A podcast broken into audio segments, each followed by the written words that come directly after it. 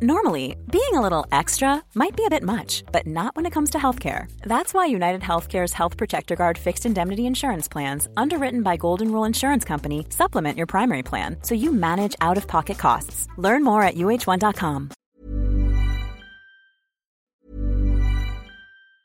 Normally, being a little extra can be a bit much, but when it comes to healthcare, it pays to be extra.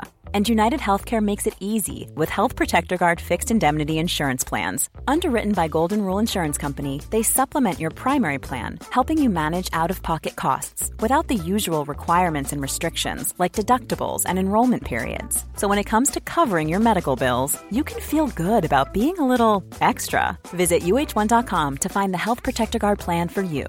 Hey, I'm Ryan Reynolds. At Mint Mobile, we like to do the opposite of what Big Wireless does. They charge you a lot, we charge you a little. So naturally, when they announced they'd be raising their prices due to inflation, we decided to deflate our prices due to not hating you.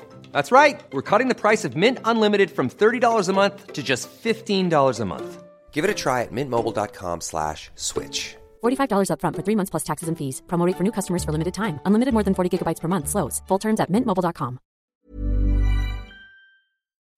Da har vi akkurat spilt inn en ny episode av Aftenpodden USA, og denne uka så startet vi med å ta for oss den siste tiltalen mot Donald Trump, som er ekstremt omfattende. Masse medtiltalte, masse detaljer, ordentlig spennende å gå inn i. Og så snakker vi da om ekstremværsommeren 2023 og et område der nordmenn og amerikanere skiller seg fra nesten alle andre vestlige land i sin klimaskepsis.